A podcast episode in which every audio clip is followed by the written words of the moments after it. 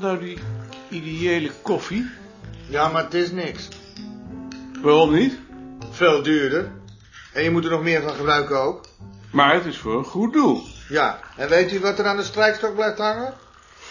Dat zou in dit geval wel eens mee kunnen vallen. Dag, Jarin. Dag Maarten. Je bent met vakantie geweest? Naar Frankrijk. Ik heb kwartier voor je gemaakt. Ik denk dat wij dit jaar maar weer eens naar Spanje gaan. Gaat Hans weer mee? Ik, ik denk het wel, hè? Ja, ik- ik denk het wel. Gaan jullie altijd samen met vakantie? Dat wist ik niet. Je hebt anders ieder jaar een vakantie genoteerd. Maar dan weet ik toch niet dat ze samen met vakantie zijn geweest. En hoe doen jullie dat dan? Ieder met zijn eigen auto, hè? Ja, ja. En rijden dan achter elkaar. Nee, we zien elkaar s'avonds op de camping. ja. En, en dan zeggen ze, uw broer is er al. Ja. In het Frans dan. Votre frère est déjà arrivé.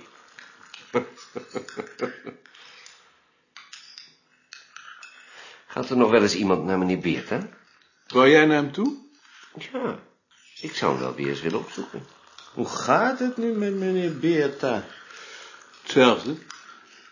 Wanneer wou je gaan? Dinsdag? Als er niet iemand anders gaat, tenminste. Dan gaat nooit meer iemand. Behalve ik dan. Dinsdag kan wel. Ook niemand anders? Ik tref de blauwe wel eens uit Middelburg. Dat is een aardig man. Dan ga ik dinsdag maar. Hoe lang zit hij daar nu al? God, hoe lang? Zes jaar, ja. Zes jaar. Dan heeft hij ook niet lang van zijn pensioen genoten. Tien jaar. Oh, toch nog tien jaar. Jij pas een half jaar. Acht maanden. Acht maanden. Hoe kom je nou vanuit Varsenveld hier naartoe? Met de auto natuurlijk. Maar Varsenveld Eh, heeft toch een station? En dan eerst twintig minuten lopen zeker. Nou, je hebt de fiets of je, je zet je auto bij het station. En dan hier in Amsterdam weer een half uur lopen of met de tram. Ik denk er niet over. Hoe deed je dat dan vroeger? Het is nu toch geen vroeger meer? We gaan toch ook niet meer met de trekschuit? Jammer genoeg. Nee, dat vind ik niet zo jammer. Eve, Ha, Maarten. Ben je weer terug? Joost, ik stoor jullie. Nee hoor, ga zitten. Eve, ik hoor dat je tegenwoordig naar je werk fietst. Ja, Oh, hoe weet je dat? Van Joop. Ja, en, en het bevalt me best, moet ik zeggen. Al zouden we hier op het bureau eigenlijk een douche moeten hebben. We hebben boven een bad.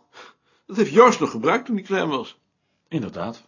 Dat heb ik al geprobeerd, maar die is niet meer aangesloten. Hoe, hoe lang doe je er nou over?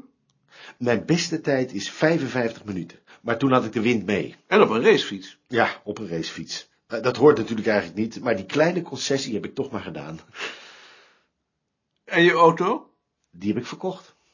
Ik vond dat je gelijk had. Alleen rijdt daar nu een ander in. Maar er wordt er ook één minder verkocht. Hoe was je vakantie? Goed. Dat wil zeggen, ehm, we, hebben, v- we hebben veel gelopen. En dat ging nog? Dat ging nog, ja. Hoe gaat het met je werk? Goed hoor. En met jouw werk, Joost? Ook goed. Maar nu waren er enkele kleine pro- problemen. Nou, niet met het werk. Eh, Ik mag dat Maarten toch wel vertellen. Ja hoor. Joost heeft wat eh, persoonlijke problemen. Eh, En daar praten we elke ochtend een uurtje over. Je hebt even ingehuurd als psychiater.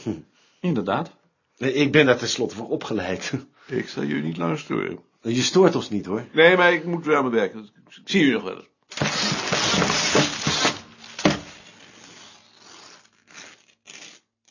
Morgen, Frits. Hallo. Wees is wel gelukt. Dat ging eigenlijk heel gemakkelijk zelfs. Hoeveel heb je er? Tussen de 3 en 400. maar ik kan ze niet allemaal gebruiken. Ik heb een grafiek gemaakt. Ehm, wat zijn die arceringen? Dat zijn boeren. Voor de zeventiende zijn er veel minder dan voor de achttiende. Ja. Eh, Ik ben nu eerst maar begonnen met een indeling in inkomensgroepen. En- En dit zijn de stedelingen. Hoe hoe kom je daar nou aan?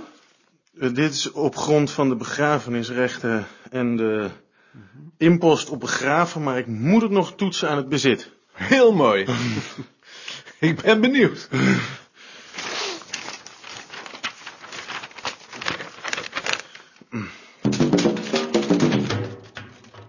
Rie, ik heb je artikel gevonden. Ja. Ehm, jij bent ook met die boedelbeschrijvingen begonnen. Mhm. Wat doe je nu precies? Wat je gezegd hebt. Het bezit van muziekinstrumenten. Ja. En vind je wat? Nee, niks. Maar je bent pas in het begin van de 19e eeuw. Ja. Als ik weer op orde ben, zullen we er een keer met z'n vier over praten. Ik moet nu eerst de rotzooi op mijn bureau wegwerken. Die boedelbeschrijvingen van het museum zijn op film. Moet ik die ook doen? Tuurlijk, voor dit onderzoek moet je alles doen. Maar we hebben geen leesapparaat. Op volkstaal is een leesapparaat. Kunnen we er niet zelf een kopen? Er staat geen geld voor op de begroting. Begin maar eerst met die van volkstaal te lenen. Ik zal er met Bavelaar over praten. Goed? Dag, Carla. Hallo, Hoe gaat het? het gaat wel. Ik bedoel, met je onderzoek. Wat heb je nu precies gedaan? Ik heb die interviews in Roermond afgenomen. En nu? Nu luister ik ze af. Ik bedoel, wat ga je nu doen? Dat weet ik niet. Ik weet eigenlijk niet wat er verder nog van me verwacht wordt. Heeft Gert dat niet met je besproken? Nee, Dat moet je hem dan gewoon vragen. Mag ik eens een stukje horen? zomaar iets. Vanaf het begin. In de grond van de zaak interesseerde het hem geen moeder. En dat gaf dit samen zijn het karakter van een toneelstukje. Merkwaardig genoeg maakte dat zijn taak draaglijker. Dat hij van die dubbelheid genoot was wat sterk uitgedrukt, maar het ging wel in die richting. En mag ik ook weten waar dat eigenlijk voor is? Voor het AP Beerta Instituut. En wat doet u daar dan mee? Oh, dat bewaren we. Dus het is niet voor de kraan. Nee, het is niet voor de krant. Zullen we dan nu met vraag 1 beginnen? Stop eens. Ehm, heeft Gertje ook niet gezegd wat het doel is van dit onderzoek? Eh, Ook geen hypothese gegeven die je aan de feiten kunt toetsen? Hij zei dat ik dat het beste zelf uit kon zoeken. Daar zou ik dan toch maar eens naar vragen. Ja, Heeft Gert deze band eigenlijk al gehoord? nee, daar had hij geen tijd voor. Dan lijkt me het het beste dat we hem een keer met z'n drieën afluisteren. Kun je vanmiddag?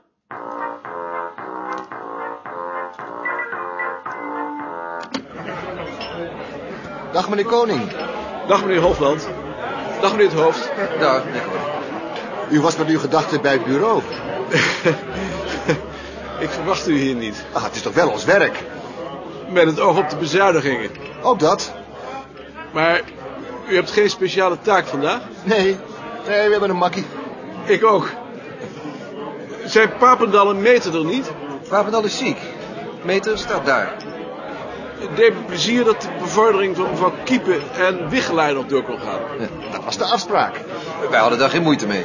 Ja, het had kunnen zijn. Met de bezuinigingen. Nou, het is juist de bedoeling dat er op kwaliteit niet wordt bezuinigd. Wij zijn ervan overtuigd dat het geld dat in uw afdeling wordt gestoken goed besteed is. Dank u. Zo is dat. Ik denk dat ik mijn kofferkop eens weg ga zetten. Want we zullen zo wel beginnen. Ik ga met je mee. Eh, wij zien u vast nog wel vandaag. Dat denk ik ook. Dat kan niet missen.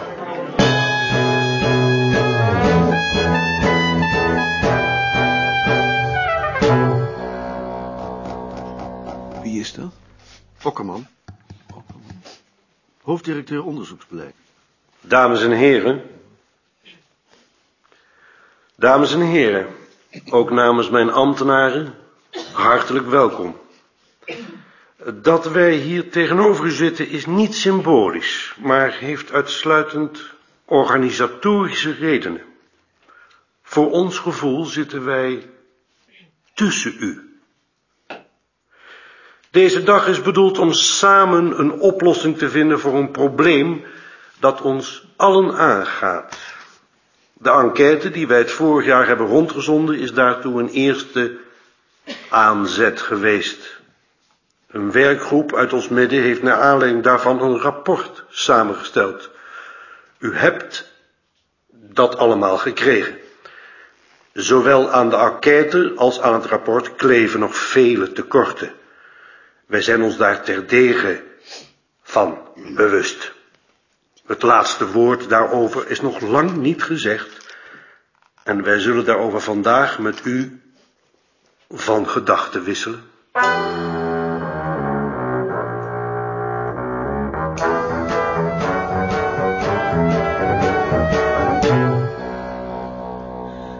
En? Wat is er besloten? Niets. Niets? Er wordt een nieuwe commissie benoemd. Nu uit de instituten zelf, die na moet gaan hoe we onszelf het beste kunnen evalueren. Maar dat is toch al gedaan? Jawel, maar niet goed. Dus dat rapport dat we vorig jaar gemaakt hebben, dat is voor niets geweest. Min of meer. Ze hebben geprobeerd om die rapporten met elkaar te vergelijken. De ambtelijke commissie waarvan Wim Bosman secretaris is, maar ze zijn niet te vergelijken. Had ik ze zo wel kunnen vertellen. Je hoeft maar even na te denken over het verschil tussen ons bureau en het Instituut voor Hersenonderzoek om te weten dat je gek wordt als je die tegen elkaar wilt afwegen. Maar op het departement zijn ze daar optimistischer over. Dat wil zeggen, dat waren ze, want ze hebben nu die opdracht natuurlijk niet voor niets op ons bord geschoven. Maar ze kunnen toch het aantal publicaties met elkaar vergelijken? Dat zegt toch niet zo de kwaliteit? Bij het instituut van Henk hebben ze dat gedaan. Hele- Daar zijn ze op beoordeeld. Een hele domme methode. Als je, als, je, als je een vak om zeep wil helpen, is dat de kortste weg. Dag, Ja. Joop. Morgen. En zeiden ze ook iets over die bezuinigingen? Nee, niets. Oh ja, jij bent in Utrecht geweest. Hoe was dat? Enig. Dat zal wel. De bedoeling is dat er eerst een methode wordt gevonden om de instituten met elkaar te vergelijken en dat er vervolgens over bezuinigingen wordt gepraat. Dan is het dus zaak om die methode niet te vinden. En als die nieuwe commissie die nu ook niet vindt? Ik begrijp het ook niet. Het is zo dom dat ik me afvraag of het geen vertragingstactiek is. Dus wat heeft de directie onderzoeksbeleid geen enkel belang bij die bezuinigingen. En wel bij bezuinigingen op de universiteiten. Daar hebben ze natuurlijk een maatstaf aan het aantal studenten. Bovendien hebben ze veel meer mogelijkheden om onderling te schuiven. Ik moet nog zien dat daar echt bezuinigd wordt. Nou, ik weet het niet.